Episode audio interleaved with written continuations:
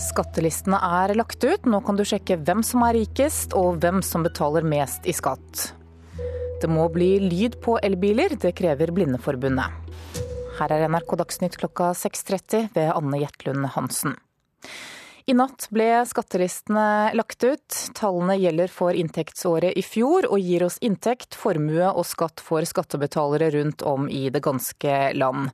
Og reporter Halvard Norum, spørsmålet mange stiller seg på en dag som denne er hvem er Norges rikeste?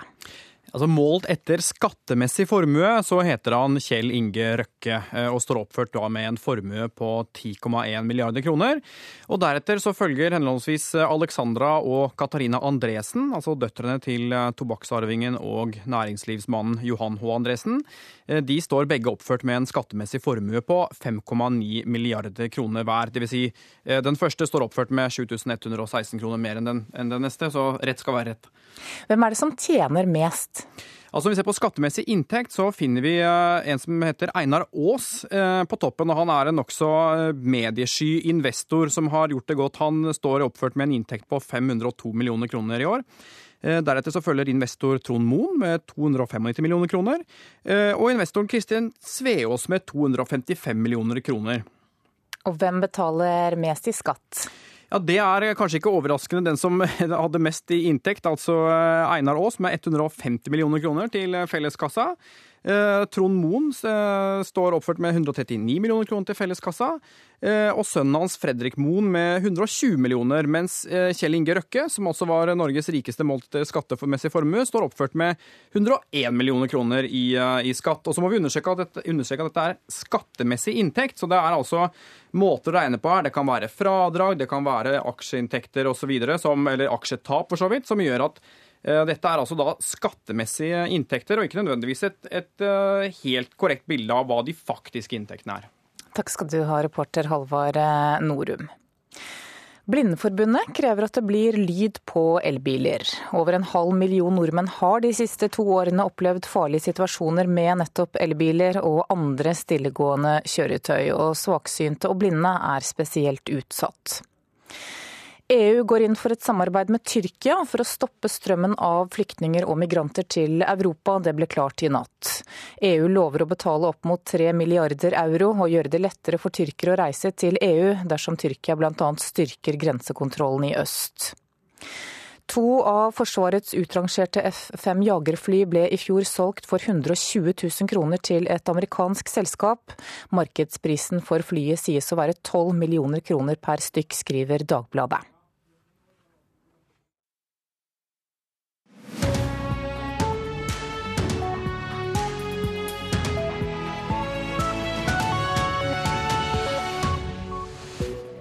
I dagens Nyhetsmorgen blir det mer om skatt.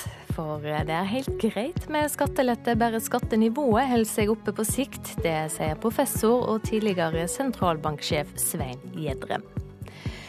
Sør-Sudan har fått en fredsavtale, men det ser ut til å være svært vanskelig å få den til å fungere. Vi skal straks høre hvorfor det er slik.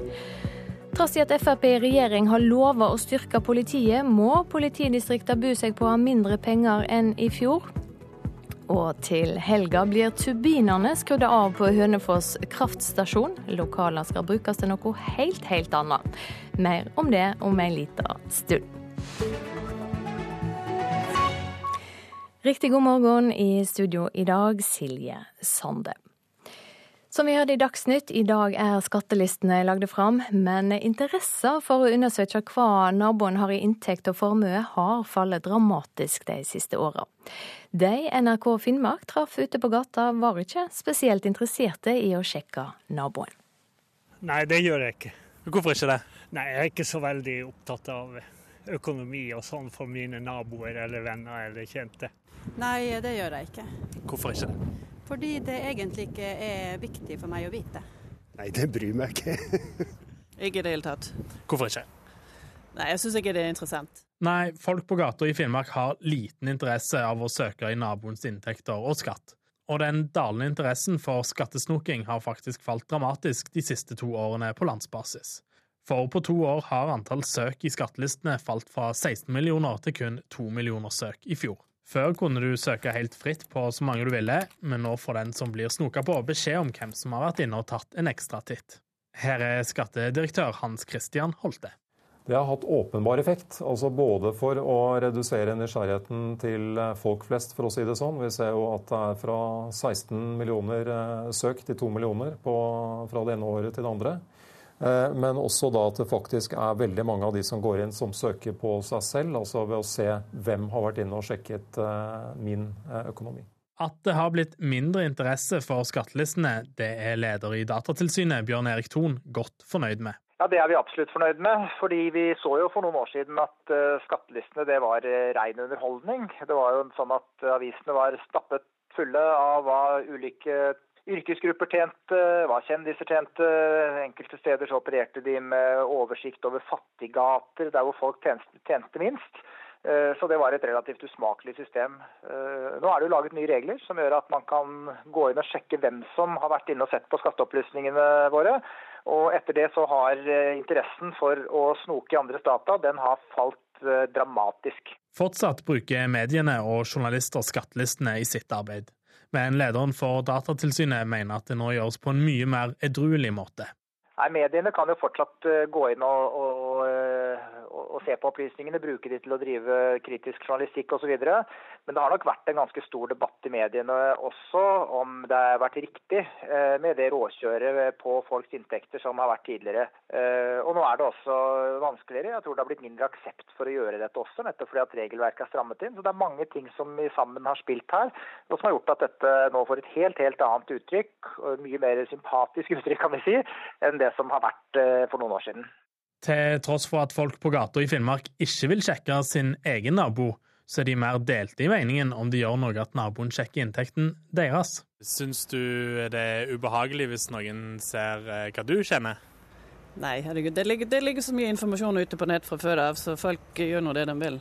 Jeg, ja, jeg er ikke ubehagelig, men jeg skjønner ikke hvorfor de skal, trenger å vite det. Nei, det syns jeg ikke. Det er helt i orden. Hvorfor er det i orden? Nei, men Det er jo så mye med det her sosiale medier, og mange er interessert i å følge med. Og, så det er liksom inne i tiden. Vil du synes det var ubehagelig om noen gjorde det på deg? Nei, jeg får min pensjon, jeg. Ja. Så får folk eh, Hvis de lurer, så kan de bare spørre. Reporter her var Erik Liung. Og på nrk.no kan du finne flere saker fra skattelistene. Mellom annet kan du finne ut hvem som tjener mest i regjeringa. Skattedirektøren kommer til oss i Nyhetsmorgen litt over klokka sju. Har du spørsmål til han, send deg gjerne inn på e-post på adressa nyhetsmorgen krøllalfa nrk.no. Det er greit at politikerne smører skattereformer med skattelette, men på sikt trenger landet et skattenivå som nå. Det sier professor Svein Gjedre. For den tidligere sentralbanksjefen og finansråden sier Norge er blitt fattigere etter oljeprisfallet. I forbindelse med skattereformer er det ikke så urimelig at det også er skattelettelser, hvor man bedrer skattesystemet.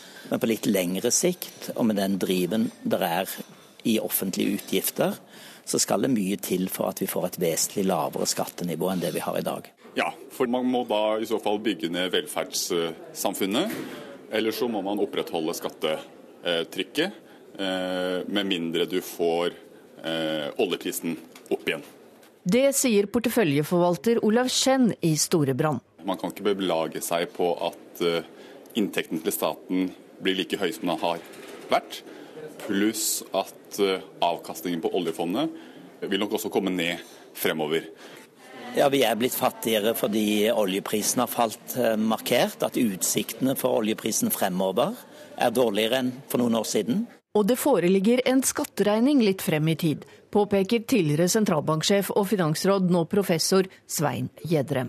Nei, Vi vet jo at det kommer en eldrebølge at etterspørselen etter tjenester fra offentlig sektor vil øke ganske markert. Vi er i og for seg inne i den fasen allerede, men det vil jo akselerere over tid. Og eh, det ligger opp til, hvis man ikke gjør noe med veksten i offentlige utgifter, så ligger det an til at dette må finansieres gjennom økte skatter på litt eh, lengre skatter og avgifter på litt eh, lengre sikt. Han advarer politikerne mot å ta penger fra oljefondet, selv om formålet er edelt. Det vil ikke være en god løsning å finansiere det ved å trekke på hovedstolen i, eh, i vårt pensjonsfond, for da vil bare skatteregningen bli desto større litt lenger ut i tid. I dette bildet vil næringsminister Monica Mæland gi bedriftene et løft og de store pengene når regjeringen starter ny skattereform allerede neste år. Selskapsskatten senkes fra 27 til 25 personskatten ditto. Bare at personkuttene langt på vei betales av andre økninger i budsjettet. Men det er jo slik at hvis i denne skattereformen også inviterer til å ta bort en del eh, særordninger, en del særregler, eh, for å eh, gjøre provenyeffekten mindre. Arbeiderpartiet foreslo i går å kutte selskapsskatten til 23% og øke deler av formuesskatten. Forhandlingene om ny skattereform starter først i januar. Og hvem som skal betale mer, er alltid tema. Men samlet sett blir det bra skattetrykk også fremover, tipper Olav Chen i Storebrand. Slik at sånn sett så tror jeg Hvis man vil opprettholde velferdsstaten, dekke inn pensjonsutgiftene, så er nok skattetrykket på samme nivå fremover også. Reporter Hedvig Bjørgum. Vi skal ta en kikk på hva avisene skriver om i dag. VG forteller historier til den danske fotografen Daniel Rye, som satt over et år som gissel hos terrorrørsla IS. Han ble torturert og ydmyka på alle tenkelige måter, sier han er glad for at familien hans fikk lov å samle inn løsepenger. Flyktningene strømmer inn, regjeringa kutter i budsjettet, skriver Aftenposten. I august reduserte regjeringa prognosen med 1000 asylsøkere, selv om Europa var inne i den største flyktningkatastrofen etter krigen.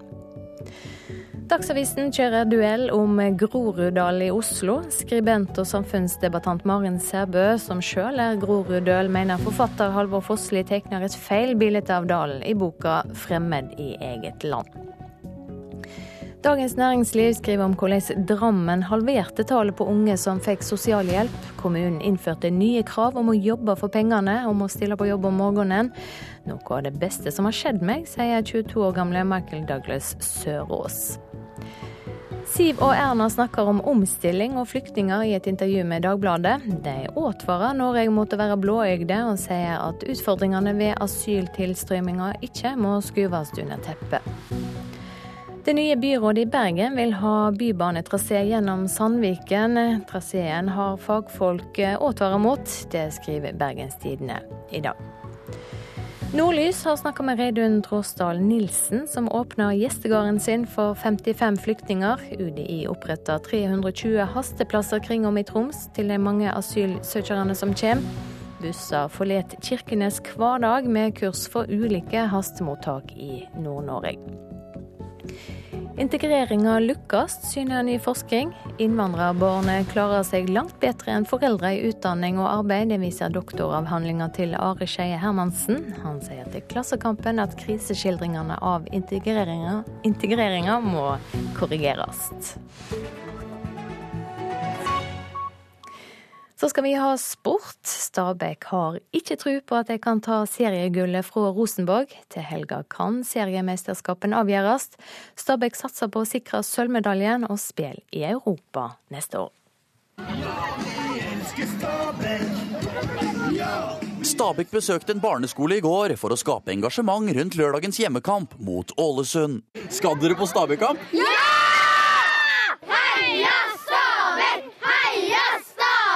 Men selv om hjemmefansen skulle møte opp, har Stabæk gitt opp drømmen om seriegull. Hvis Rosenborg vinner og Stabæk taper i helgen, er trønderne seriemestere. Gullet kan jo avgjøres her, hva tenker du om det? Ja, Det får vi håpe ikke skjer. Har du fortsatt håp om gull? Nei, men vi vil i hvert fall at Rosenborg skal føle presset så lenge som mulig, og da må vi gjøre jobben på lørdag. Ja, Det sier forsvarsspiller Birger Meling. Trener Bob Bradley sier laget må fokusere på sølvet og kampen om plass i Europaligaen. Vi må konsentrere oss om våre kamper. Rosenborg har hatt et godt år, men vi må huske at med fire kamper igjen, så kjemper vi for medalje og kvalifisering til Europaligaen neste år. Jeg tror det motiverer spillerne og forklarer innsatsen de har lagt ned denne sesongen. Reporter Emil Gukild. Du hører på Nyhetsmorgen i NRK P2 og Alltid nyheter. Klokka er straks 6.45. Skattelistene er ute, men nesten ingen tør lenger å sjekke naboen sin inntekt. En halv million nordmenn har opplevd farlige situasjoner med elbiler og andre stillegående kjøretøy. Og politiet får ikke nok penger av regjeringa til å oppfylle ambisjonene. Det sier Politidirektoratet. Nå først skal det handle om Sør-Sudan. Landet er herja av borgerkrig, og fredsavtalen som ble inngått i august i år er vanskelig å gjennomføre. Fristen for å få den i orden er i desember. Dette går utover sivile, og FN definerer nå krisa på nivå tre. Det tilsvarer situasjonen i Jemen og i Syria. Med meg i studio nå, Marit Sørheim, du er nødhjelpskoordinator i organisasjonen Caritas. Hva er det som gjør at det er grunn til å uroe seg for situasjonen i Sør-Sudan? Eh, der vil jeg trekke frem flere ting. For det første så ser vi nå eh, en eskalering av volden. Eh, krigen som startet på slutten av 2013, den begynte i de nordlige delene av landet, men sprer seg nå òg til andre deler av landet. Ehm, både på myndighetssiden og i opposisjonen så ser vi eh, eh, store splittelser som har ført til at nye væpnede grupper har oppstått. Disse gruppene har verken presidenten på sin side eller opposisjonsledelsen kontroll over. Eh, I tillegg til dette så eh, ser man en svært vanskelig økonomisk situasjon. Landet beveger seg mot en eh, økonomisk kollaps, og det har bl.a. ført til at soldater og politi ikke mottar lønn, som igjen bidrar til en veldig uoversiktlig situasjon. Du har nettopp vært i Sør-Sudan. Fortell, hvordan er det der? Det er stor usikkerhet, stor bekymring, spesielt eh, blant de humanitære organisasjonene, som ser at det er store utfordringer knyttet til tilgang til sivilbefolkningen.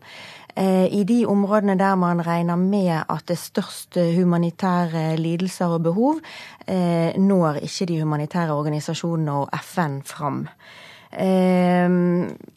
Det voldsnivået og bekymringen for for, eh, for konflikter eh, preger selvfølgelig eh, befolkningen. Og bekymringen er stor for at man ikke skal klare å komme i land med å, å gjennomføre denne fredsavtalen. Ja, hva er de største problemene når det gjelder fredsavtalen? En ting som flere trakk frem, var at selv om et internasjonalt press var viktig for å få frem avtalen, så er baksiden av det at den ikke var godt nok eh, forankret. Eh, med mer tid så kunne en fått et eh, mye bedre resultat. Og vi har nå en situasjon der de to som skal gjennomføre fredsavtalen, totalt mangler tillit til hverandre. Det er en avtale som heller ikke involverer alle de ulike væpnede grupperingene i Sør-Sudan. Eh, den har ikke involvert eh, sivilsamfunnet, kvinner, ungdom, lokalsamfunn. Eh, slik at det er, en, det er en fredsavtale som rett og slett er såpass dårlig forankret at det er mye arbeid som gjenstår for å komme frem til et punkt der man kan tenke på gjennomføring. Takk skal du ha for at du kom i studio, Marit Sørheim fra Caritas. Vi skal høre at eh, elbiler og andre stillegående kjøretøy har ført til eh, at over en halv million nordmenn de siste to åra har opplevd farlige situasjoner en eller flere ganger. Svaksynte og blinde er svært utsatte for å bli påkjørte av stillegående biler. Nå krever Blindeforbundet lyd på elbilene. Jeg sto ved et gatekryss og skulle gå over, og trodde det var klart. Stakk fram stokken og vips, så hadde jeg ikke noe stokk med, for da var det en elbil som hadde kjørt over den. Han eh, skulle bare gå over veien da en elbil suste forbi uten at han hørte en lyd, og blindestokken den ble knust i flere biter. Det er tre år siden hendelsen, men den har satt en støkk i Åge Auby, som nå er veldig forsiktig i trafikken. Det er klart at eh, det her med stillegående biler det er jo skummelt, fordi man er i et trafikkert område, så, så hører man dem jo ikke. Rett og slett. Og problemet det øker i takt med at stadig flere kjøper elbil. Noen eh, nye elbiler er installert med en motorlyd som bilisten valgfritt kan sette på, men mange gjør ikke det. Og nå krever Blindeforbundet at alle stillegående kjøretøy installeres med en motorlyd som er på, iallfall i de lave fartssonene. Det sier rådgiver Sverre Fuglerud. Myndighetene må gjøre noe nå. Man kan ikke vente på den første dødsulykken pga. stillegående biler. I en ny EU-forskrift blir elbiler pålagt å ha en bilmotorlyd. Men kravet gjelder ikke før i 2019, og det er altfor sent, mener Blindeforbundet, som krever strakstiltak allerede nå. Bare i Oslo og Akershus ruller nå drøyt 20 000 elbiler stille rundt i gatene. Dessverre så vet vi fra undersøkelser at her har det vært mer alvorlige uhell enn at uh, stokker har blitt knekt. Her har personer blitt skada, og vi er redd for at hvis det ikke gjøres noe nå snart, så kan det også føre til veldig alvorlige personskader. Ja, til og med liv kan gå tapt. En undersøkelse viser også at over en halv million nordmenn med normalt syn har opplevd farlige situasjoner med elbiler. Og en stikkontroll i Oslo sentrum viser det samme. Jeg opplevde å ikke høre en hybridbil. Det var ved en Shell-stasjon, det var ikke noe vei eller noe. Kom, jeg kom ut av butikken, og så kom den fra venstresiden. Altså. Jeg var ikke i fare for å bli overkjørt nå, men Men du skvatt litt? Jeg skvatt litt. Det har selvfølgelig skjedd. Hvis du er på sykkelen eller tusler i gata, så kommer det en eller annen bil i 120 og sniker seg innpå. Man skvetter jo. Det er ekkelt. Det er det. Syns du det er et godt forslag at elbilene får eh, installert en lyd? Ja, det syns jeg.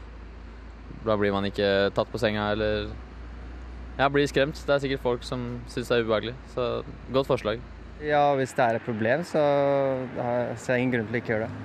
Om bilen skal utstyres med en plingelyd, brummelyden til en kraftig dieselbil eller noe helt annet, det er ikke Blindeforbundet så opptatt av. Det viktigste er at bilene høres. Man kunne tenke seg da at det skulle være litt i forhold til hastighet og type bil, og at når det kom en eh, stor og tung bil, så burde det være en eh, bøffelflokk du fikk høre. Men vi ser for oss at eh, man skal ikke være fantasifull. Her er det greit å bruke motorlyd. Og så er vi opptatt av at dette skal ikke bli et støyproblem. Så vi også syns det er fornuftig at man kan skru av lyden ved f.eks. 40 km. Men ved lavere hastigheter så må det være det. Reportere Maria Nakken og Kaja Figenschou. Politiet får ikke nok penger til å unngå at neste år blir svært trangt for politidistrikta. Det sier Politidirektoratet.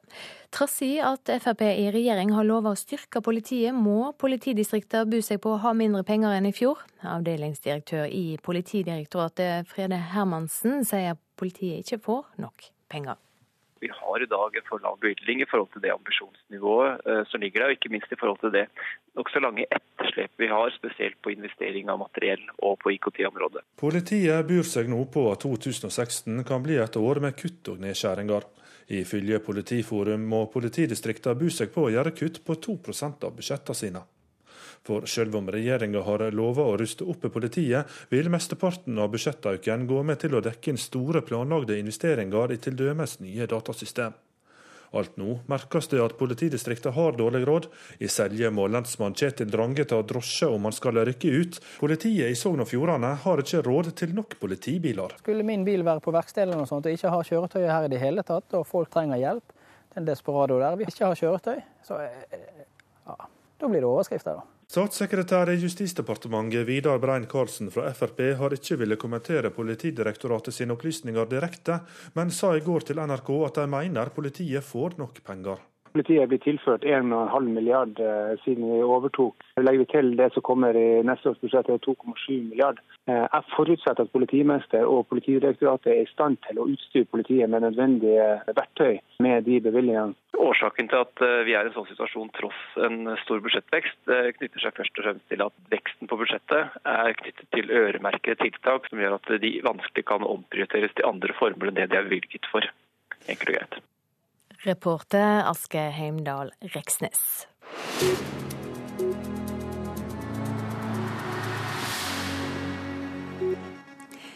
Nå skal vi høre at lokaler byr på visse utfordringer når eh, operaforestillinga Dido og Einars har premiere på fredag i Hønefoss.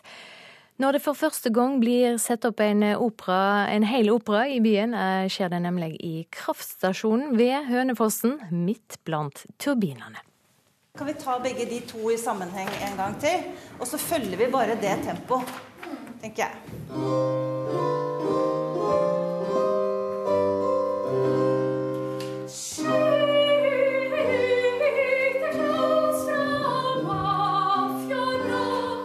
Ringerike operakor øver på Hønefoss skole. Om bare noen dager er det klart for premiere av operaen 'Dido og Aneas'. Som trolig blir den første operaen som settes opp i sin helhet i Hønefoss.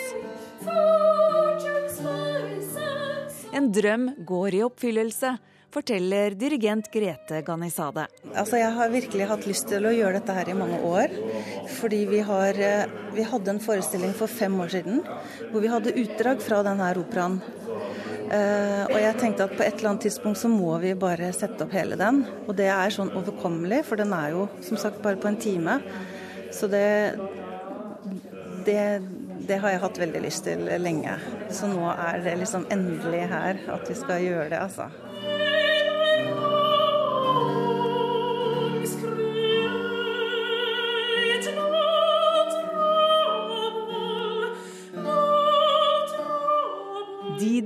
Aneas av Henry Purcell er en sår og dramatisk opera som inneholder alt fra forelskelse til intriger og død. Og mange kjenner nok godt til Didos klage, en av de mest kjente arier gjennom tidene.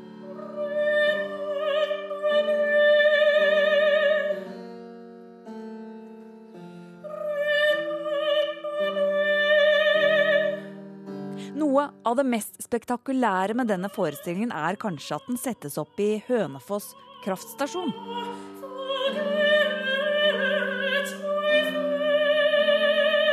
Kraftstasjonen fra 1922 er fortsatt i bruk, og Ringerikskraft lover å slå av turbinene under forestillingen til helgen. Men lokalene byr også på andre utfordringer, røper dirigent Grete Ganizade til messosopran Kari Lise Høgseth, som spiller Dido. Nei, jeg var i kraftverket i dag, og så prøvde jeg etterklangen der. Og den er på fem-seks sekunder. Yes. det har jeg aldri prøvd før, så det er interessant. Hvordan blir det, da? Nei, altså Det kan jeg jo ikke si, for jeg har prøvd det. Men det er liksom vanligvis som operasanger så er det jo noe med det at en skal finne eh, og alle overtonene for å nå gjennom et orkester ikke sant? På, eh, i en stor sal der du kanskje ikke har så mye klang. Så det blir en litt annen innfallsvinkel her, så, men det er jeg sikker på at vi skal finne ut av. Ja, og Det sa dirigenten i Ringerike operakor, Grete Ganizade, reporter Anette Skarfjell. Vi skal ha et værvarsel som gjelder fram til midnatt. Østafjells og fjell i Sør-Norge får skiftende bris. På kysten nordøstlig opp i frisk bris. Først på dagen en del skodde eller skoddeskyer, særlig i dalstrøkene og nær innsjøer. Ellers fint vær. Rogaland og Hordaland nordlig bris. Utrygt for lokal skodde i indre strøk først på dagen. Ellers fint vær. Sogn og Fjordane skiftende bris. skyet eller delvis skyet, Oppholdsvær. Møre og Romsdal sørvestlig frisk bris på kysten. skyet eller delvis skyet, Opphold. Sør-Trøndelag får sørvestlig liten kuling på kysten. skyet eller delvis skyet, Perioder med regn i ytre strøk i nord. Ellers opphold. Nord-Trøndelag vestlig bris, i ettermiddag øker til sørvestlig liten kuling på kysten. Skyet, perioder med regn i nord, ellers oppholdsvær. Nordland vestlig liten kuling utsatte steder. Fra Bodø og nordover periodevis stiv kuling, perioder med regn. Troms vestlig stiv kuling utsatte steder. Regnbyger over ca. 500-700 meter. Snøbyger. Lokalt store nedbørsmengder. Kyst- og fjordstrøka i Finnmark vestlig stiv kuling utsatte steder. Først på dagen vestlig sterk kuling i vest. I kveld så vestlig frisk bris i øst. Regnbyger over 200-400 meter. Snøbyger. I vest lokalt store nedbørsmengder. Finnmarksvidda vestlig liten kuling, stort sett opphold. Fra i ettermiddag sørvestlig bris, spredd sludd eller regn. Og Nordensjøland på Spitsbergen får nordvestlig liten kuling utsatte steder. I kveld bris, og det blir snø. Så har vi temperaturene målte for to timer siden. Svalbard lufthavn to grader, Kirkenes tre. Vardø der har vi ikke fått inn temperatur. Alda fem, Tromsø-Langnes fire, Bodø åtte, Brønnøysund åtte, Trondheim-Værnes sju, Molde ni, Bergen-Flesland fire, Stavanger seks, Kristiansand-Kjevik sju, Gardermoen og Lillehammer hadde begge null, Røros minus tre og Oslo-Blindern hadde null grader.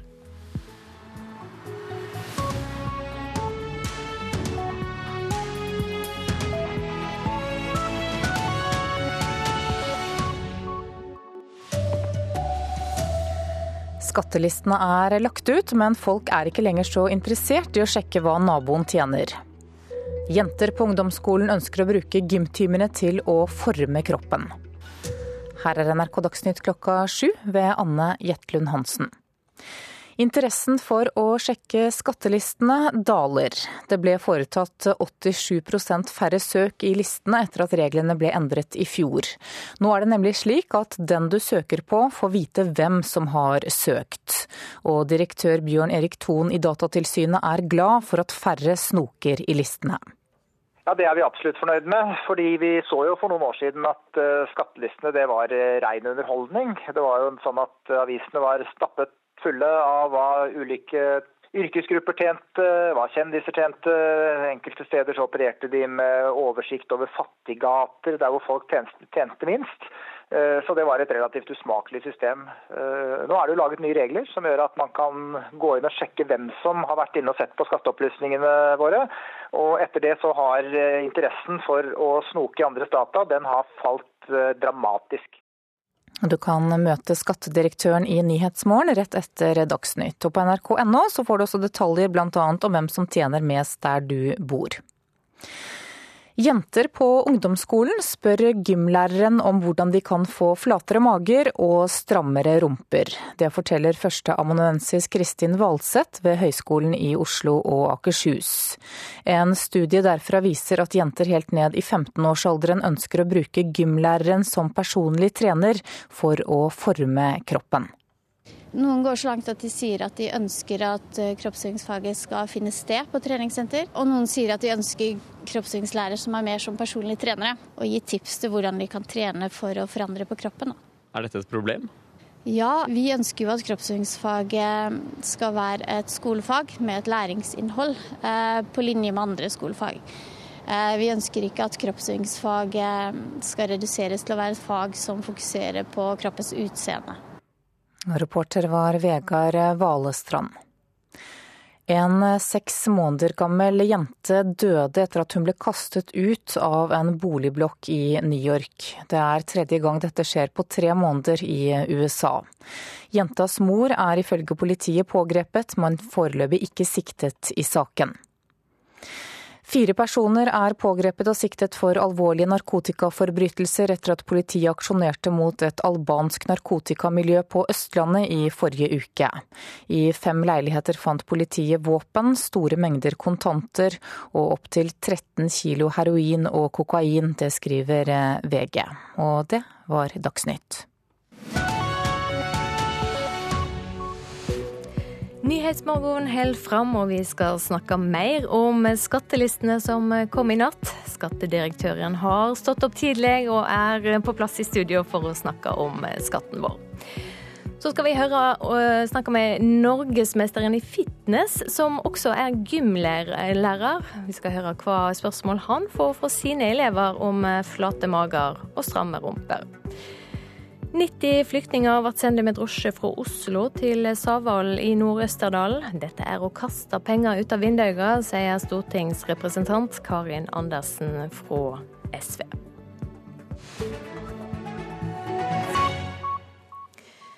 Kjell Inge Røkke er den rikeste her i landet, og investoren Einar Aas betalte mest skatt. Dette og mer til kan du søke opp i dag, i og med at skattelistene er lagde ut. Skattelistene gir oss inntekt, formue og utlignet skatt for inntektsåret 2014. Og i år som i fjor finner vi mange kjente navn på de ulike listetoppene. Målt etter skattemessig formue heter Norges rikeste mann Kjell Inge Røkke. Han står oppført med en formue på 10,1 milliarder kroner.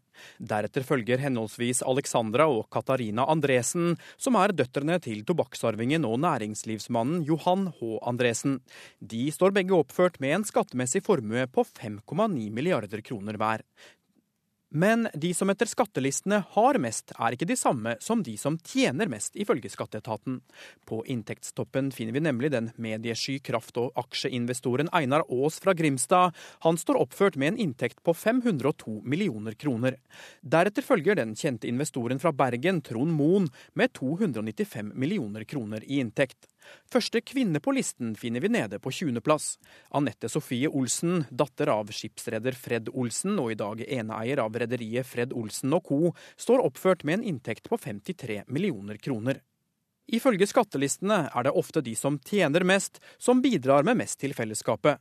Den nevnte investoren Einar Aas bidro f.eks. med 150 millioner kroner i 2014, mens Trond Moen fra Bergen spyttet 139 millioner kroner inn i felleskassa.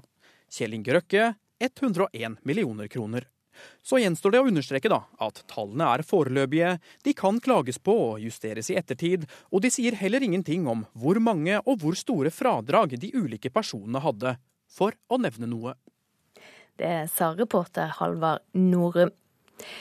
Velkommen til Nyhetsmorgen, skattedirektør Hans Christian Holte. Takk. Hva er det mest interessante ved de nye skattetallene sett fra din ståstad? Jeg tenker jo Generelt så er det interessant eh, med disse tallene. De sier ganske mye om økonomiske forhold i Norge. Og de er også en eh, fin indikasjon på at vi har ganske stor åpenhet om eh, økonomi og skatt i Norge. Så det er jo det generelle som skaper en stor nyhetsverdi på en dag som dette. Og så er det også interessant for oss i skatteetaten at vi av og til også får inn eh, tips til eh, oss på bakgrunn av at folk kanskje ser et eh, gap mellom f.eks. For forbruksmønstre og det som oppgis i skattelistene. Øker forskjellene i Norge? Det er ikke noe som jeg eller våre folk går dypt inn og ser på, så det er jo blant de eh, forholdene som kanskje skattelistene kan bidra til å belyse for de som går inn i den type spørsmål.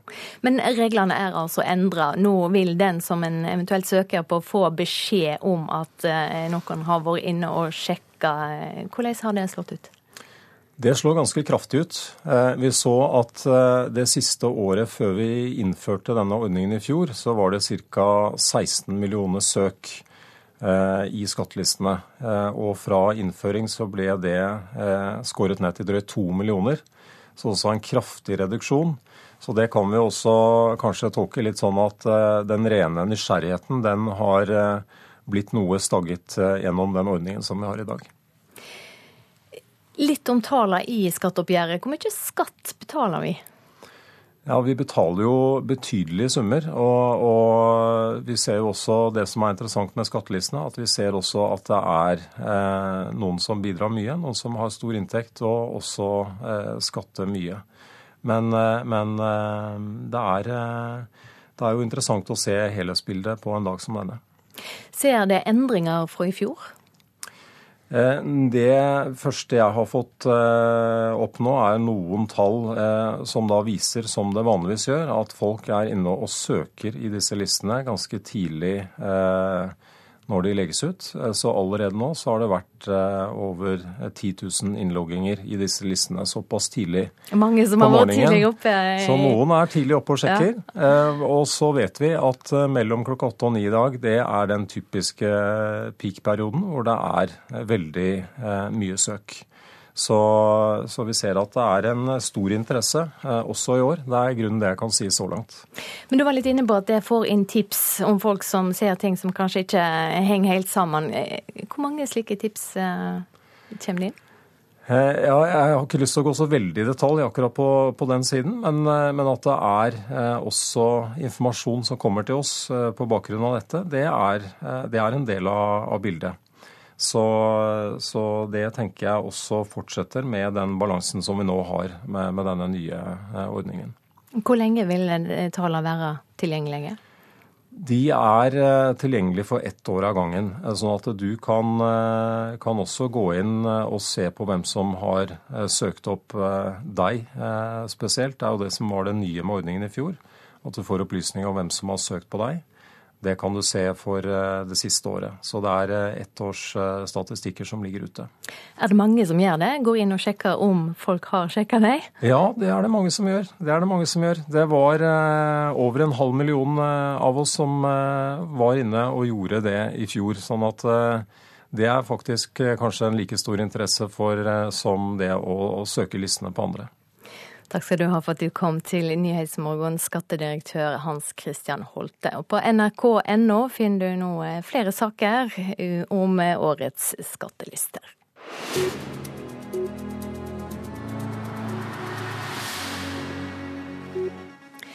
Som vi hørte i Dagsnytt, flere ungdomsskolejenter spør nå gymlæreren om hvordan de kan få flatere mage og strammere rumpe. Det hevder førsteamanuensis Kristin Valseth ved Høgskolen i Oslo og Akershus. En studie derfra viser at jenter helt ned i 15-årsalderen vil bruke gymlæreren som personlig trener for å forme kroppen. Elever på Ullern videregående skole i Oslo sier de merker kroppspresset. De som skal ha basket, kommer tida her. Da setter vi i gang. Gymlærer Jens Disington instruerer elevene i den nyoppussede gymsalen. Han sier jenter har blitt mer interessert i styrketrening de siste årene. At flere skoler nå har egne styrkerom, tror han imidlertid ikke øker kroppspresset.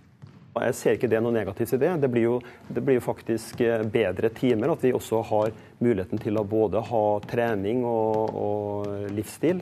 Det fokuset. I tillegg så har vi også da tradisjonelle ballspill. Gymlæreren, som har bakgrunn som personlig trener, er klar på at presset på jenter er stort. Han mener det er en kombinasjon av mote, kosmetikk og fitnessindustrien. Alle disse tre er jo sterke faktorer med enorme budsjetter i forhold til markedsføring. Og klart de påvirker jo ungdommen eh, i stor grad. Og, og eh, det er veldig lett å tippe over. Det er veldig lett at man eh, blir dratt inn i det her og, og kan tippe over. Kristin Valseth ved Høgskolen i Oslo og Akershus er enig. Hun har sammen med andre forsket på hvordan fitnessindustrien nå banker på døra til norske gymsaler.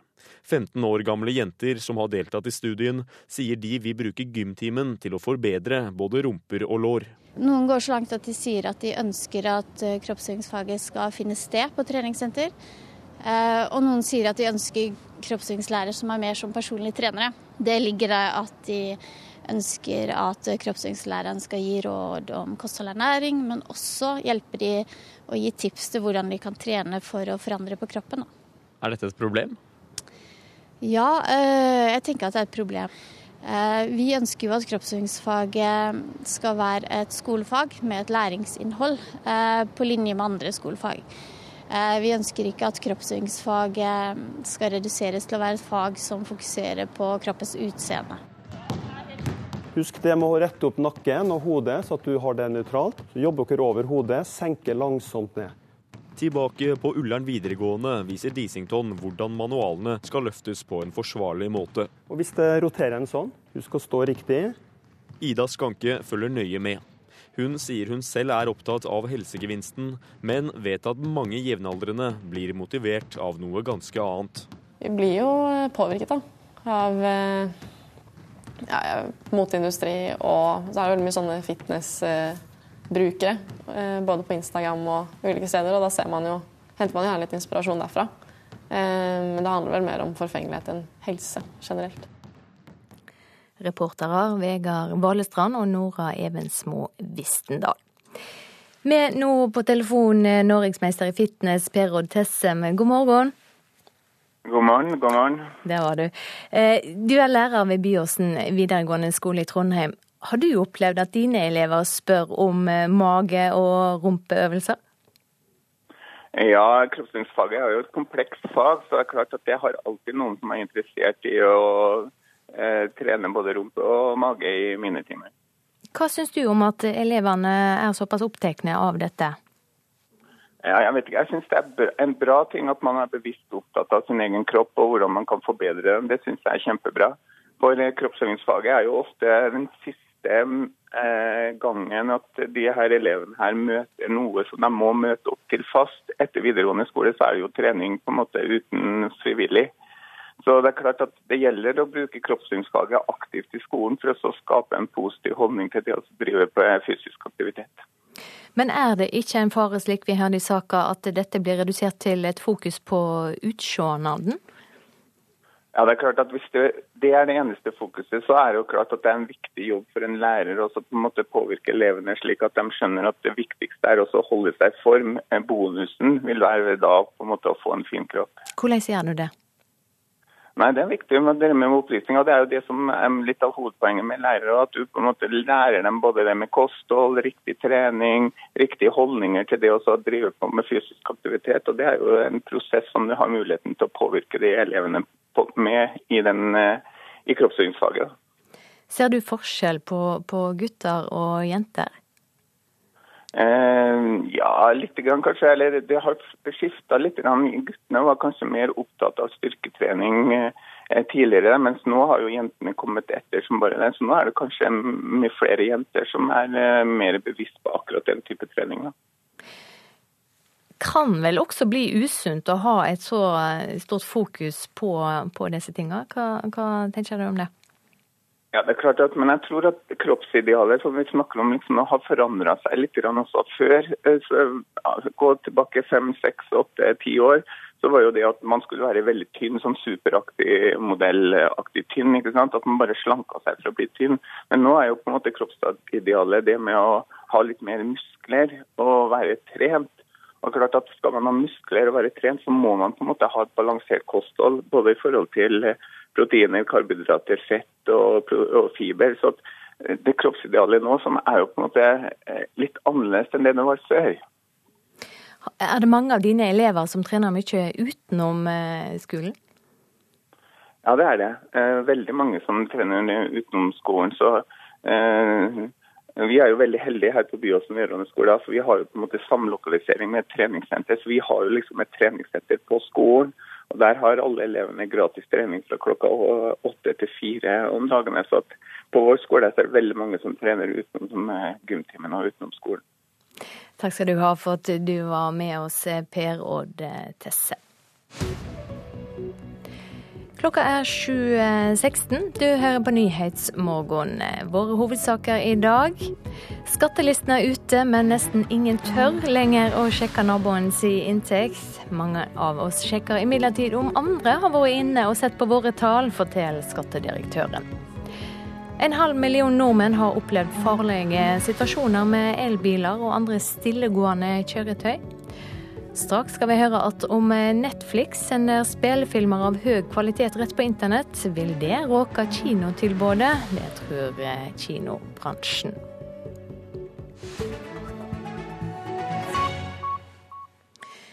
EU-lederne som avslutta toppmøtet sitt i natt, har gitt Tyrkia lovnad om enklere tilgang til EU dersom landet setter bremser på flyktningstrømmen. Tyrkere kan med det få høve til å reise visumfritt til EU dersom syrere i Tyrkia blir værende. Det hadde vært mørkt lenge i Brussel da Angela Merkel kom for å møte pressen. Den tyske lederen så sliten ut. Det hadde vært en tung prosess å få de 28 EU-lederne til å konkludere med noe konkret. Fragen des Geldes vor allen Dingen I kveld hadde absolutt spørsmålet om penger en viktig rolle, men også spørsmålet om tilgang, sa Merkel, og uttalelsen peker på følgende. Tyrkia skal få en sum penger for å hjelpe syrerne som nå oppholder seg i landet. Da ønsker syrerne kanskje å bli værende, men Tyrkia får mer. Et løfte om at landet kanskje nå er nærmere et EU-medlemskap, og at landets innbyggere kanskje kan få lov til å reise visumfritt til EU. Tyrkia krever at det skal skje neste år. Den franske presidenten Francois Hollande snakket om et annet tema som ble grundig diskutert på møtet, å klassifisere Tyrkia som et sikkert område, en beslutning som ikke er fattet.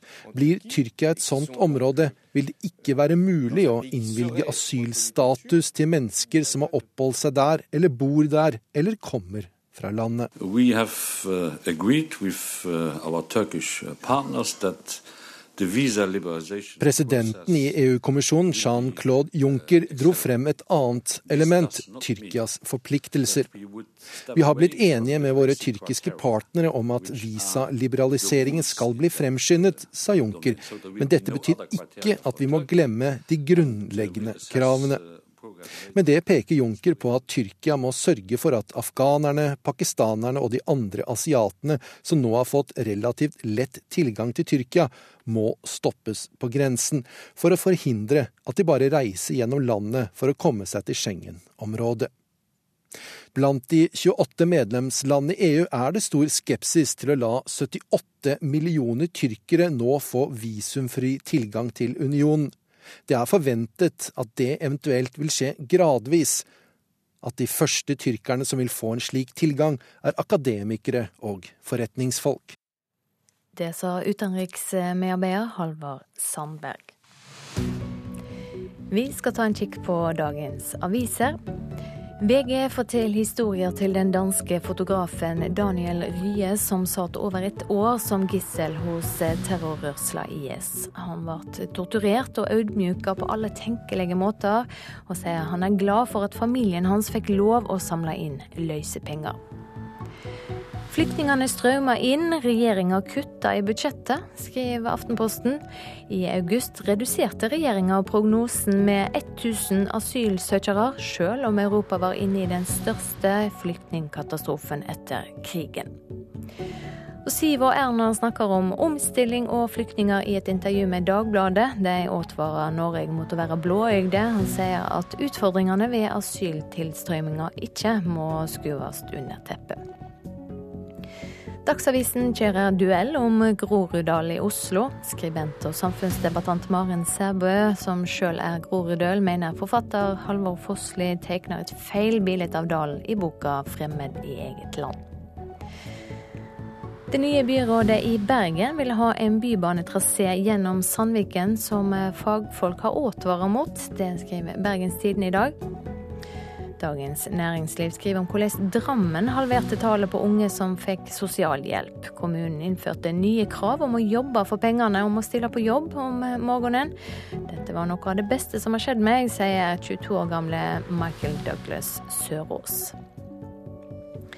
Integreringa lykkes, syner ny forskning. Innvandrerbarn klarer seg langt bedre enn foreldre i utdanning og arbeid, viser doktoravhandlinga til Are Skeie Hermansen. Han sier til Klassekampen at kriseskildringene av integreringa må korrigeres. Og Nordlys har snakka med Reidun Tråsdal Nilsen, som åpna gjestegarden sin for 55 flyktninger. UDI oppretter 320 hasteplasser kring om i Troms til de mange asylsøkerne som kommer. Busser forlater Kirkenes hver dag med kurs for ulike hastemottak i Nord-Norge. HMS-tiltak i landbruket får ikke ned tallet på ulykker. Det sier forsker Oddveig Storstad til Nasjonen. Hun mener arbeidet med trygghet i landbruket ikke har fungert. Ulykkesfrekvensen har stått stille i 25 år. Vamp er tilbake med ny plate, ny lyd og nye folk, forteller Stavanger Aftenblad. Inntektene for sporet passasjerene skal gå til Flyktninghjelpen. Bandet forteller at skip overlessa med flyktninger gjorde inntrykk. Plyndrer eldre blir verna av Horne, skriver Vårt Land. Forbrukerombudet vil fjerne lovverket som gjør det enkelt for useriøse organisasjoner å samle inn penger gjennom telefonsal, men forbrukerminister Solveig Horne sier nei.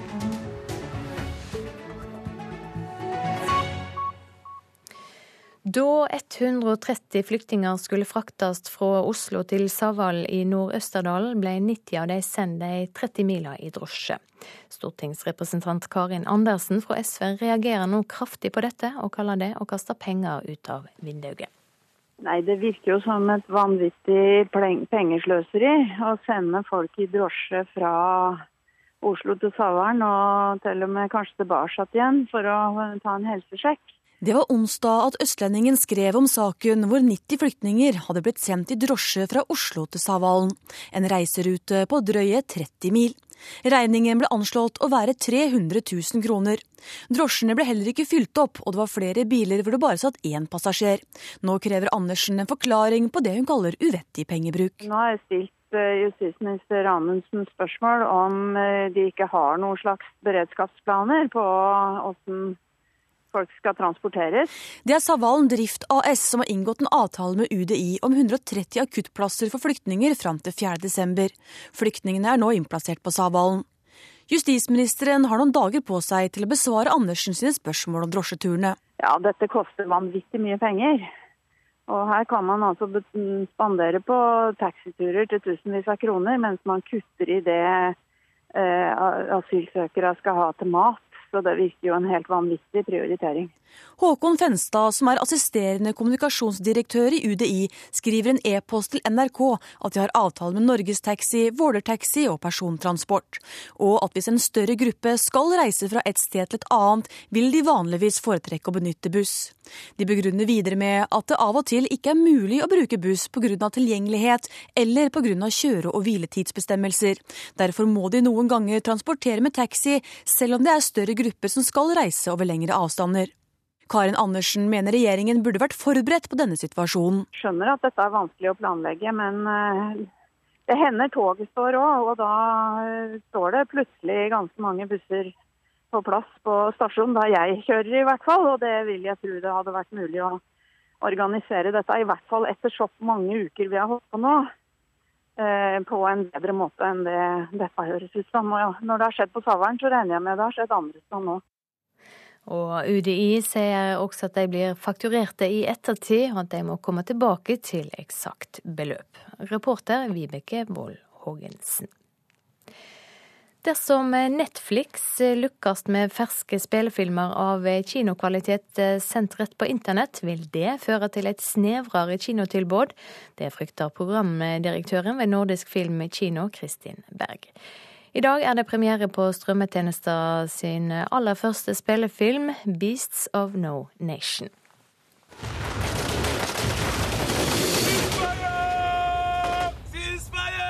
Filmen 'Beasts of No Nation', som du hører lyden av nå, har premiere i dag, men er boikottet av de store kinokjedene i USA. Årsaken er at Netflix, som har laget filmen, krevde premiere på internett samtidig som på kino. Netflix går med planer om å lage mange slike filmer i årene som kommer. Det er heller ikke norske kinoer særlig begeistret for. Slik som forretningsmodellen fungerer i dag, så kommer vi nok ikke til å vise dem, nei. Det sier Kristin Berg, som er programdirektør i Nordisk Film Kino, som eier kinoer i store deler av Norge. Problemet, slik Berg ser det, er at Netflix sine nye filmer rokker ved kinoens aller største konkurransefortrinn, det såkalte kinovinduet. Først har filmen premiere på kino. Så, tre til fire måneder etter, blir den tilgjengelig for nedlasting, strømming på DVD og Blu-ray. Slik det er nå, så verner vi om kinovinduet vårt fordi vi mener det er viktig. Hele bransjen er avhengig av at kinoene leverer bra for å sørge for videre filmproduksjon, for å sørge for et mangfold, for å sørge for rett og slett god film på kino. Hadde ikke kinoene hatt denne eksklusiviteten til nye filmer, ville filmskaperne fått mindre penger, er Bergs poeng. Nå frykter hun at mange vil slutte å gå på kino dersom Netflix baner vei med filmer av kinokvalitet rett på internett. Hvis kvalitetsfilmene som er av litt mindre format. Hvis de lanseres uh, simultant, så vil kanskje folk velge å se dem hjemme, og da mister vi det publikummet på kino. Og da vil jo mangfoldet på kino og bredden i repertoaret bli mye snevrere. Kinoene er nødt til å begynne å innse at det er jeg som forbruker som har makten. Og hvis jeg ønsker at det skal være i digitale flater, ja, så må også filmbransjen levere meg det sier administrerende direktør i IKT Norge Heidi Arnesen Austlid. Én av tre norske husstander har allerede Netflix, og det kan ikke lenger være sånn at norsk filmproduksjon er avhengig av at folk går på kino, sier hun. Men det som er en utfordring til myndighetene, er jo å se på støtteordningene til eh, filmindustrien. I dag så er det sånn at Støtteordningene de eh, gis altså støtte per solgte eh, kinobillett. Det er en utfordring som myndighetene er nødt til å ta tak i. Hvordan beveger vi oss fra kinosal og over i digitale flater, hvis det er det eh, forbrukerne ønsker seg. Dette er forretningsmodeller som er i endring, kanskje ja, men eh, jeg tror vi hele bransjen skal tenke gjennom hva vi er i ferd med å gjøre. Ja, Det sa programdirektør i Nordisk film i kino, Kristin Berg. Og det var eh, Petter Sommer og Torkil Torsvik som hadde laga denne saka. Du eh, hører på Nyhetsmorgen. I reportasjen etter Dagsnytt skal det handle om løvedebatt i Zimbabwe. Produsent for Nyhetsmorgen i dag, Kari Bekken Larsen. I studio, Silje Sande.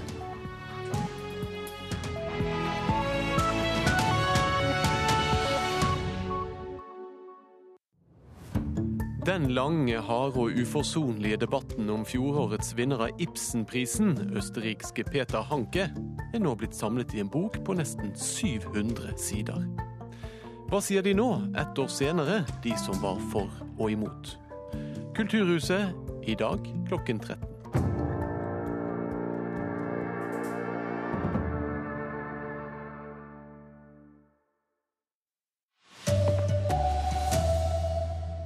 Skattelistene er lagt ut. Kvinner tjener mindre enn menn i alle faser av livet.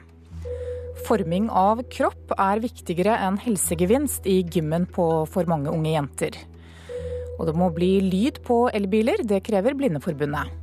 Man kan ikke vente på den første dødsulykken pga. stillegående biler. Her er NRK Dagsnytt klokka 7.30 ved Anne Jetlund Hansen. Kvinner har i snitt lavere inntekt enn menn gjennom hele livet. Det viser tall fra skattelistene fra i fjor som NRK har gått igjennom.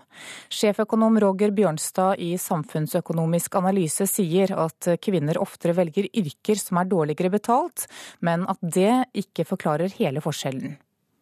Det har eh, alltid vært en eh, forskjell i inntekt mellom kvinner og menn. Kvinner tjener generelt mindre enn menn i alle aldre. Det skyldes både at kvinner velger tradisjonelle kvinneyrker i offentlig sektor med et lavere lønnsnivå enn i privat eh, sektor. Men det skyldes også at kvinner velger eh, kortere arbeidstid. Flere kvinner velger å jobbe deltid.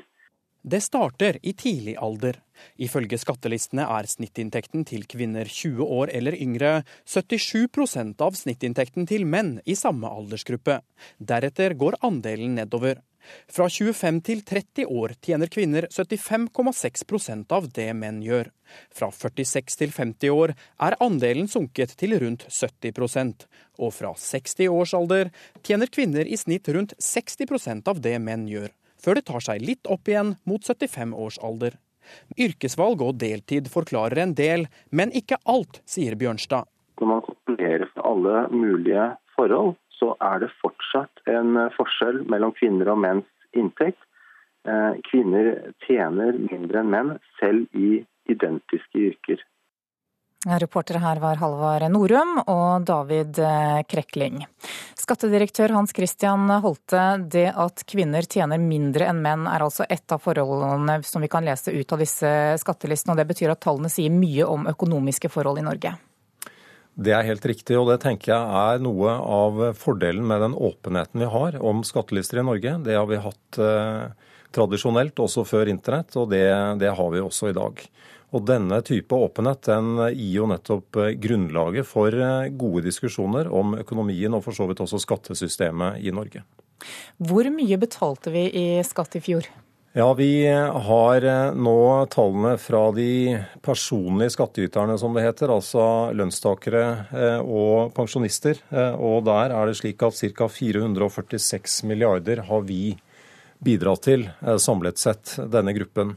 Og Så kommer selskaper og oljeskatten i tillegg. De tallene har vi ikke fullstendig ennå. men det totale tallet er gjerne en 1200-1300 milliarder. I fjor så ble søk i skattelistene endret slik at du kan få vite hvem som har søkt på deg. Hvor mange er det som har søkt så langt i dag? Det er en eh, veldig bratt eh, kurve som går oppover. Eh, det var klokka sju litt over 10 000 personer som hadde vært inne og logget seg inn. Og da er det jo sånn at nå fra i fjor så kan vi også søke på hvem som har søkt på oss. Og vi ser at den nysgjerrigheten er også der, at folk gjerne vil se hvem som har vært inne og, søkt eh, på seg selv. Så, men vi ser at uh, akkurat i dag uh, så er kanskje den dagen hvor aller flest går inn. Men det har vært en betydelig nedgang siden vi la om ordningen relativt nylig. Ja, går det an å si noe da om hva folk er på jakt etter når de går inn i listene for å søke? Ja, Det bruker ikke vi veldig mye ressurser på å, å grave i, men, eh, men, eh, tidligere var det kanskje mer vanlig enn det er nå, eh, hvor du må oppgi ditt eget navn.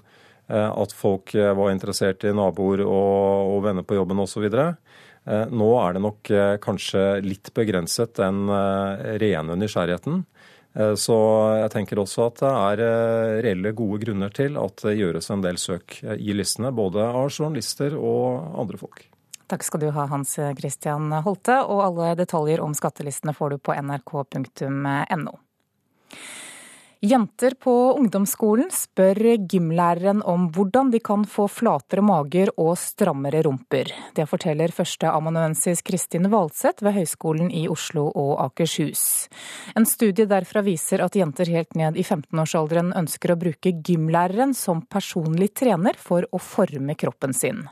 Elevene på Ullern videregående skole i Oslo sier at de merker kroppspresset. De som skal ha basket, kommer tida her. Da setter vi i gang. Gymlærer Jens Disington instruerer elevene i den nyoppussede gymsalen. Han sier jenter har blitt mer interessert i styrketrening de siste årene. At flere skoler nå har egne styrkerom, tror han imidlertid ikke øker kroppspresset. Det blir faktisk eh, bedre timer, at vi også har trening og livsstil. I tillegg så har vi også da tradisjonelle ballspill. Kristin Valseth ved Høgskolen i Oslo og Akershus har sammen med andre forsket på hvordan fitnessindustrien nå banker på døra til norske gymsaler. 15 år gamle jenter som har deltatt i studien, sier de vil bruke gymtimen til å forbedre både rumper og lår.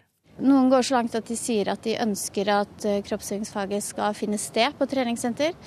Eh, og noen sier at de ønsker kroppsøvingslærer som er mer som personlige trenere. Det ligger der at de ønsker at kroppsøvingslæreren skal gi råd om kosthold og ernæring, men også hjelpe de å gi tips til hvordan de kan trene for å forandre på kroppen. Er dette et problem? Ja, eh, jeg tenker at det er et problem.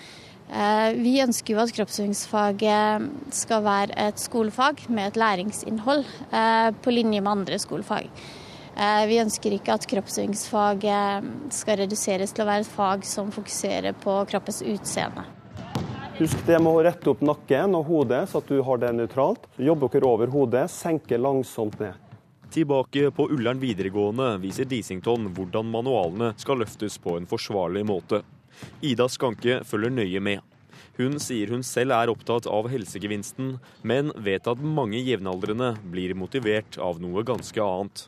Vi blir jo påvirket da, av moteindustri, og så er det veldig mye sånne fitness brukere. Eh, både på Instagram og ulike steder. Og da man jo, henter man gjerne litt inspirasjon derfra. Eh, men det handler vel mer om forfengelighet enn helse generelt. Reportere var eh, Vegard Vallestrand og Nora Evensmo Vistendal. EU gir Tyrkia løfter om enklere tilgang til EU dersom landet setter bremser på flyktningstrømmen. Det ble klart i natt. Tyrkere kan dermed få muligheten til å reise visumfritt til EU dersom syrerne i Tyrkia blir værende. Det hadde vært mørkt lenge i Brussel da Angela Merkel kom for å møte pressen. Fragen des Geldes vor allen Dingen I kveld hadde absolutt spørsmålet om penger en viktig rolle, men også spørsmålet om tilgang, sa Merkel, og uttalelsen peker på følgende Tyrkia skal få en sum penger for å hjelpe syrerne som nå oppholder seg i landet. Da ønsker syrerne kanskje å bli værende, men Tyrkia får mer. Et løfte om at landet kanskje nå er nærmere et EU-medlemskap, og at landets innbyggere kanskje kan få lov til å reise visumfritt til EU. Tyrkia krever at det skal skje neste år. Blant de 28 medlemslandene i EU er det stor skepsis til å la 78 millioner tyrkere nå få visumfri tilgang til unionen. Det er forventet at det eventuelt vil skje gradvis, at de første tyrkerne som vil få en slik tilgang, er akademikere og forretningsfolk. Reporter var Halvard Sandberg. Og midt i den verste flyktningkrisen i Europa kuttet regjeringen her hjemme anslagene for hvor mange asylsøkere som ville komme til Norge, det skriver Aftenposten. Dermed kunne justisministeren redusere budsjettet til Utlendingsdirektoratet. Regjeringen erkjenner i dag at anslagene over asylsøkere ikke holder, og statssekretær Gøran Kalmyr blir intervjuet om dette i Politisk kvarter klokka 7.45. Blindeforbundet krever at det blir lyd på elbiler. Over en halv million nordmenn har de siste to årene opplevd farlige situasjoner med elbiler og andre stillegående kjøretøy. Og svaksynte og blinde er spesielt utsatt.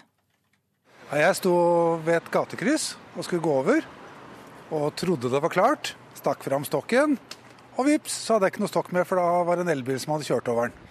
Det er tre år siden hendelsen, men den har satt en støkk i Åge Auby, som nå er veldig forsiktig i trafikken.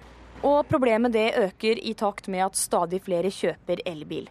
Noen nye elbiler er installert med en motorlyd som bilisten valgfritt kan sette på, men mange gjør ikke det. Og nå krever Blindeforbundet at alle stillegående kjøretøy installeres med en motorlyd som er på, iallfall i de lave fartssonene. Det sier rådgiver Sverre Fuglerud. Myndighetene må gjøre noe nå. Man kan ikke vente på den første dødsulykken pga. stillegående biler. Reportere var Maria Nakken og Kaja Figenschou, og ansvarlig for NRK Dagsnytt, Anne Skårseth.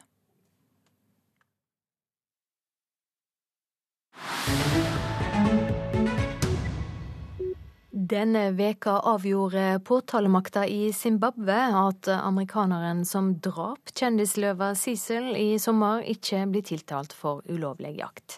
Men rovdyrdebatten holder fram mellom dyrevernere og bønder som mister buskapen sin pga. løver.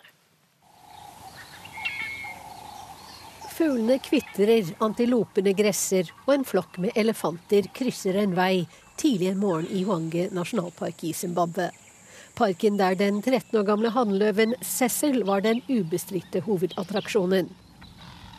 Verdenskjendis ble han da en amerikansk tannlege skjøt og drepte ham med pil og bue i sommer. Løver som Cecil er svært ettertraktet blant jegere. The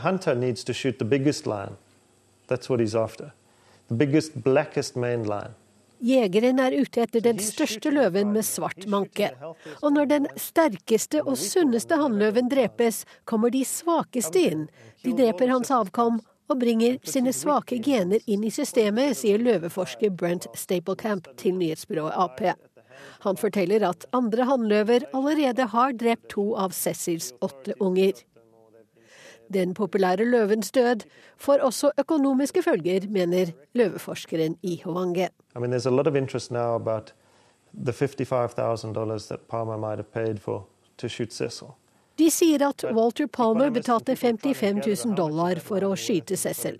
Men økonomer og andre mener at løvens fotografiske verdi, altså hans verdi for fotosafariturismen, var på én million dollar. Safariturisme der man skyter med kamera framfor våpen, utgjør 15% av Zimbabwes bruttonasjonalprodukt.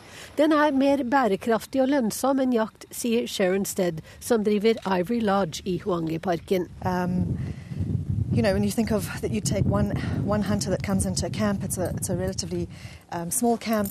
Um, en jeger har kun behov for en liten leir som bare sysselsetter fem-seks mennesker i en kort periode. Men vi har opptil 20 mennesker som overnatter i kanskje tre netter. Og når de drar, så er jo dyrene fortsatt her for å bli fotografert av de neste som kommer, sier hun. You know, those, those men det er ikke jegere som står bak de fleste drap på Zimbabwes løver. Det er det kvegbønder som gjør. Når løvene angriper dyr i landsbyen i Huangeparkens utkant, så tar bøndene livet av dem med snarer og gift. Det er den tradisjonelle rovdyrkonflikten. Løveprosjektet i Huange går nye veier for å redde de store kattedyrene. Folk fra landsbyene, de kalles løvevoktere, ble lært opp til å bruke GPS for å spore opp omstreifende løver som kan komme til å angripe kveg og geiter. Landsbyene blir varslet, og løvevokterne leder an med å jage rovdyrene tilbake til nasjonalparken. Samtidig blir folk oppfordret til å bruke midlertidige innhegninger til buskapen om natten. Løveforsker Brent Staplecamp fra Oxford-universitetet sier at tallet på drepte husdyr har gått ned med 40% Men han legger til.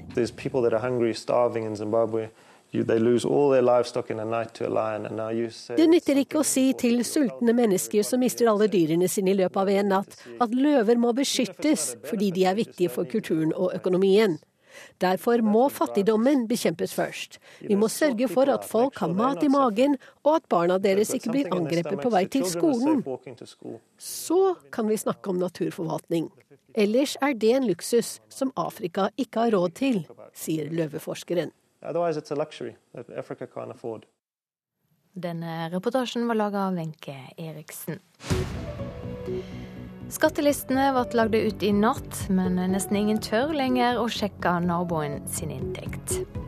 Jenter på ungdomsskolen ber om hjelp fra gymlæreren til å få flat mage og stram rumpe. En halv million nordmenn har opplevd farlige situasjoner med elbiler og andre stillegående kjøretøy. Blindeforbundet vil ha lyd på elbiler. Nå er det straks tid for Politisk kvarter med programleder Håvard Grønli.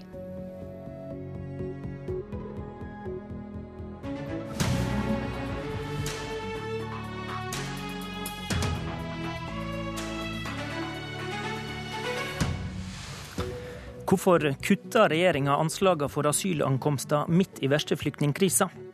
Er det et problem når nye kompetansekrav i skolen plutselig skal gjelde for alle lærere? Og snart får vi vite hvordan det nye rød-grønne styret blir i hovedstaden. Du får vite litt om alt dette i Politisk kvarter. Midt i verste flyktningkrisa i Europa kutta regjeringa anslagene for hvor mange asylsøkere som ville komme, skriver Aftenposten i dag. Dermed kunne justisminister Anders Anundsen redusere budsjettet til UDI. På den siste budsjettkonferansen 26.8 eh, reduserte regjeringa anslaget for asylankomster med 1000 personer sammenlikna med i fjor. Statssekretær Gøran Kalmyr i Justisdepartementet for Frp, velkommen hit. Takk for det. Var det ikke rimelig åpenbart på dette tidspunktet sent i august at asyltallene kom til å gå opp? Jo, det var rimelig åpenbart. Eh, og Nettopp derfor så har regjeringa sagt det at man må komme tilbake til Stortinget med et tilleggsnummer for å håndtere flyktningøkninga. Eh, og Grunnen til det er fordi at man så jo i slutten av august at det kom til å bli mange flere enn det man hadde lagt til grunn når budsjettet og eh, de grunnleggende prosessene i budsjettet var gjort, faktisk allerede før sommeren. Så det er jo ikke slik at man lager budsjett basert på de siste få ukestallene. Budsjettarbeid er et arbeid som starta allerede når året starta. Det er tunge prosesser eh, der Stortinget skal få eh, riktig informasjon. Og med riktig informasjon så betyr det at etatene skal gjøre grundige vurderinger av både logistikk av ansatte, logistikk av mottaksplasser. Og dette er jo ikke noe man gjør i siste liten eh, for at man skal ta opp de siste svingningene på en ukestall. Mm. Men det vil jo være i strid med god budsjettskikk å ikke budsjettere realistisk. Når en da ser at verden endrer seg når vi sitter i den siste budsjettinnspurten, skal ikke en da Nei, det man da bør gjøre, det er å varsle at det kommer et tilleggsnummer der man faktisk greier å fange opp alle de endringene som nå skjer. Hvis vi hadde tatt inn de siste tallene basert på de siste ukestallene i august, så ville vi uansett måtte lage et nytt uke, nei, tilleggsnummer.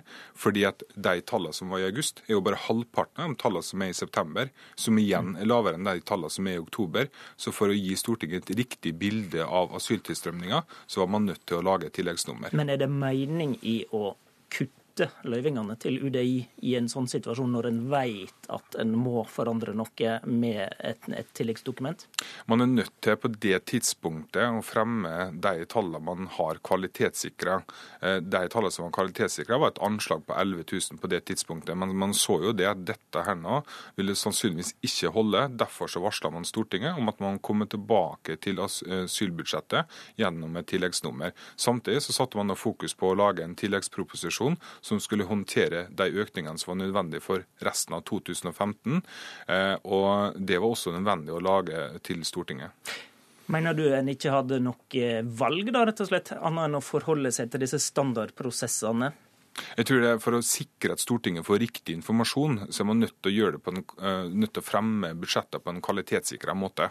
Uh, og Da kan man ikke sitte her nå og se på ukestallene de siste dagene før man skal legge de siste steinene i budsjettet, og, og bare snu opp ned på alt. Uh, og uten å få en ordentlig prosess med etatene, bare fremme et eller annet budsjettforslag for at også Aftenposten skal forstå det. Så det dere gjorde var en mer fornuftig budsjett? Praksis enn å skulle eh, UD i budsjettet når en så at flyktningkrisa smalt? Ja, fordi at budsjettet for asyltilstrømninga er fortsatt ikke fremme. Det kommer i tilleggsnummeret. Dette er varsla til Stortinget. Og vi har faktisk ikke hørt noen i Stortinget som har reagert på det. Det er kun Aftenposten som nok har litt misforstått litt. Takk for at du kom hit, statssekretær Gøran Kallmyr. Bare hyggelig.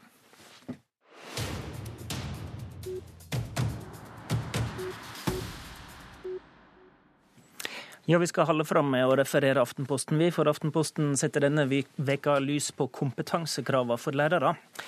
Lærerne må nå ha fordyping i kjernefagene norsk, matte og engelsk dersom de skal undervise i disse fagene. Og det gjelder ikke bare nye lærere på vei inn i skolen. Stortinget vedtok i vår at kravet får tilbakevirkende kraft. Det betyr at rundt 30 000 lærere ikke er kvalifiserte til å undervise i disse fagene, og i spørretimen denne veka spurte SV og Senterpartiet om det ikke var på tide å tenke seg om. Det synspunktet har også du, Ragnhild Lid, leder i Utdanningsforbundet. Hvorfor mener dere at dette tilbakevirkende kravet er et problem? Det er et problem for det første fordi en nå har hatt en videreutdanningsstrategi som har virka over noen år. Det betyr at lærerne har kunnet, prøvd å få videreutdanning innenfor disse fagene. Eh, mange har ikke fått mulighet til det. Det som er samtidig et problem, det er at dette gjelder flere titalls tusen som nærmest over natta blir definert som eh, ukvalifisert. Det betyr at eh, de ikke har mulighet Altså det blir innført en plikt til videreutdanning før det er innført en rett, før lærerne er gitt mulighet til det. Det kan en ikke akseptere. Hva konsekvens får det for den enkelte lærer, da? Det får den konsekvensen at hvis en lærer f.eks. vil ja, må, bytte, må flytte må skifte kommune. En lærer med 20 års ansiennitet, 30 års ansiennitet, som har undervist i alle disse fagene og skaffa seg god kompetanse gjennom mange år, etterutdanningskurs, eh, god erfaring. Det som han risikerer, og vi har allerede sett eksempel på, det er at han ikke får en jobb. I stedet for det så tilsetter kommuner en som ikke er kvalifisert lærer i det hele tatt, i midlertidig stilling. Denne læreren kan, vi har sett eksempel på det, de har god fordypning i enkelte andre fag som det ikke er stilt disse kravene til, og så står de plutselig som definert ukvalifisert. Dette her må en sette seg ned og se på. Sånn kan vi ikke ha det i en periode der en faktisk trenger mange godt eh, utdanna lærere. Henrik Asheim i utdanningskomiteen på Stortinget for Høyre. Dere fikk denne advaringa i høringsrunden. Hva tenker du eh, nå når det kommer opp med noen eksempel? Nei, altså Jeg forventer ikke egentlig at noen som helst skal stå og klappe i hendene og juble over ting man gjør som politiker, men jeg syns det er veldig overraskende at Utdanningsforbundet, som lærernes største fagforening og organisasjon, er så kritiske til dette. Det vi nå gjør, er at vi sier at man med ti år så skal alle lærere få det faglige påfyllet de har bedt om i mange år. Og vi sier at det ikke bare er en mulighet, men et krav til kommunene. At de skal mm. gi det til sine lærere. Eh, og at eh, det nå er en dispensasjon i ti år. Trenger ikke ha det nå, men om ti år så skal det være på plass. Derfor har vi tredoblet antall lærere som får etter- og videreutdanning. Det er også noe som lærerne har etterspurt i mange men, år. Problemet, men problemet, Henrik, men, det er at det, dette systemet er ikke på plass. Ragnhild, og et annet problem er at kommunene bruker heller ikke denne dispensasjonsretten. Der er kommuner, de, de de setter i gang, og, bruk, og, det ligger ikke i forskrifta. De bruker forskrifta umiddelbart. Men systemet, det er det som er vårt problem. Så, og ditt problem også. Systemet håndterer ikke denne tilbakevirkende krafta. Det er det vi peker på som den store utfordringa her. Altså, Ragnhild, hvis du reiser ut på andre arbeidsplasser, eh, snakker med leger, advokater, eller på en byggeplass for den saks skyld, så vil alle kjenne seg igjen i at du med jevne mellomrom må få faglig oppdatering. Ja, og da får du det Men, Ragnhild, i arbeidstida. Er du interessert i svaret? Ja. Fordi jeg tror dere høres litt rare ut ute i samfunnet nå. Fordi det vi faktisk gjør, det er å si at det kompetansekravet som vi nå stiller til nyutdannede lærere, det skal også gjelde for de lærerne som allerede er i skolen. Det er fordi, og det er litt rart å måtte fortelle lærerne dette, men vi tror at utdanning virker. Vi tror at det har det noe å si hva slags utdanning man har, og hvilken kompetanse man også har faglig. Og Derfor så sier vi at det er et krav. Dette er ikke et krav til lærerne, det er et krav til kommunene om at de skal gi det til lærerne i en tiårsperiode.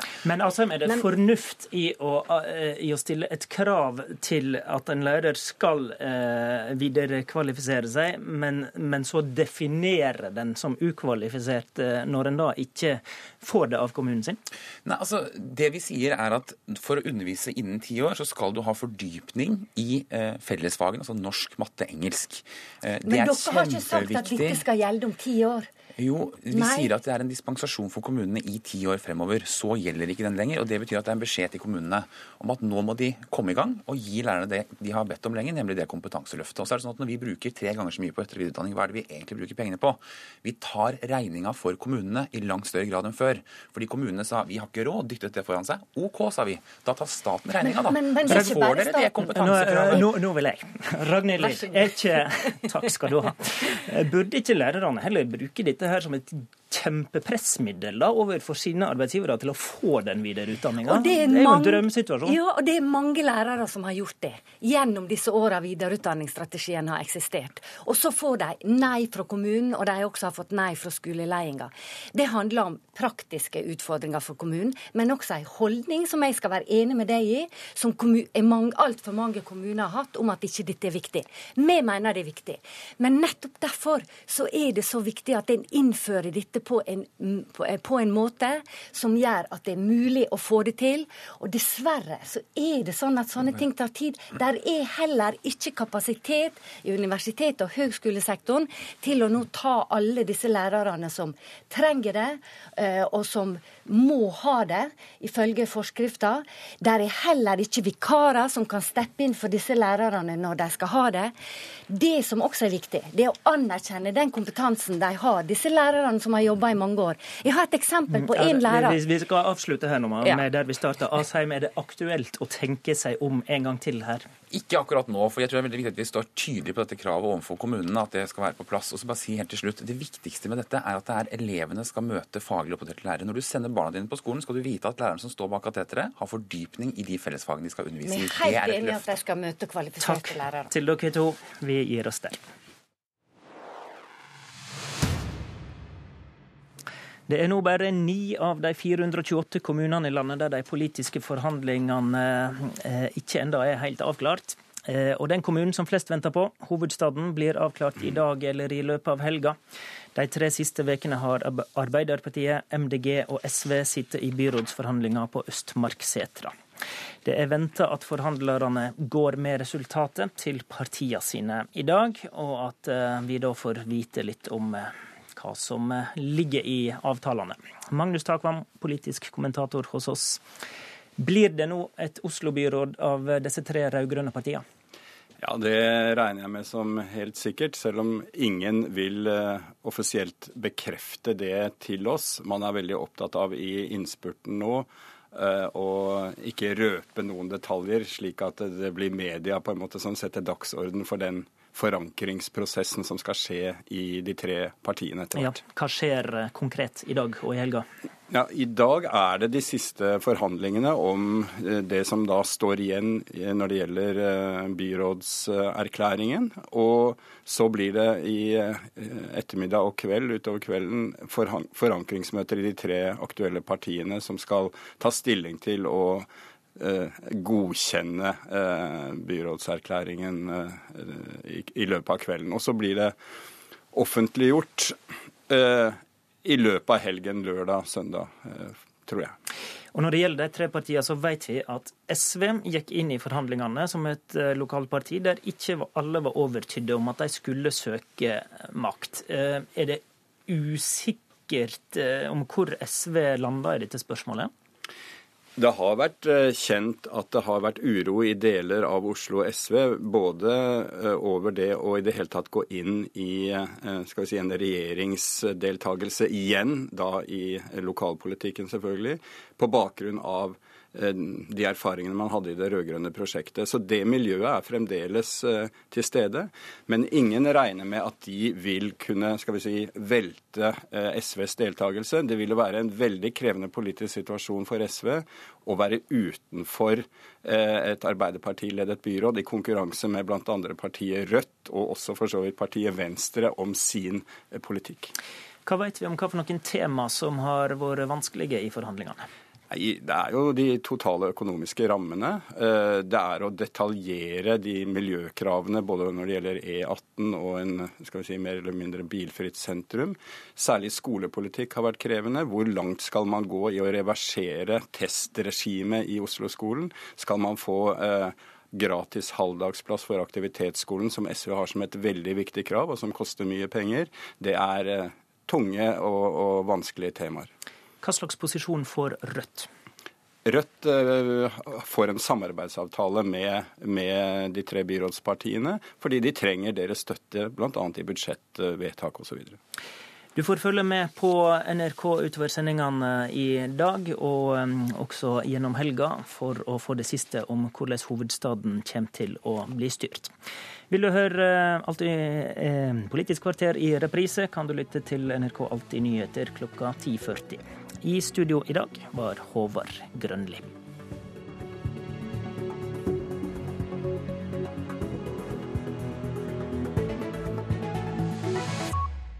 Hei, jeg heter Tobias Santelmann, og til daglig er jeg skuespiller. Søndag 18. oktober blir jeg regnskogvokter for årets TV-aksjon. På de siste 60 årene er halvparten av verdens regnskoger ødelagt. Nå haster det å redde resten. Vi skal vokte regnskogen. Bli bøssebærer for TV-aksjonen og Regnskogfondet 18. oktober. Gå inn på blime.no.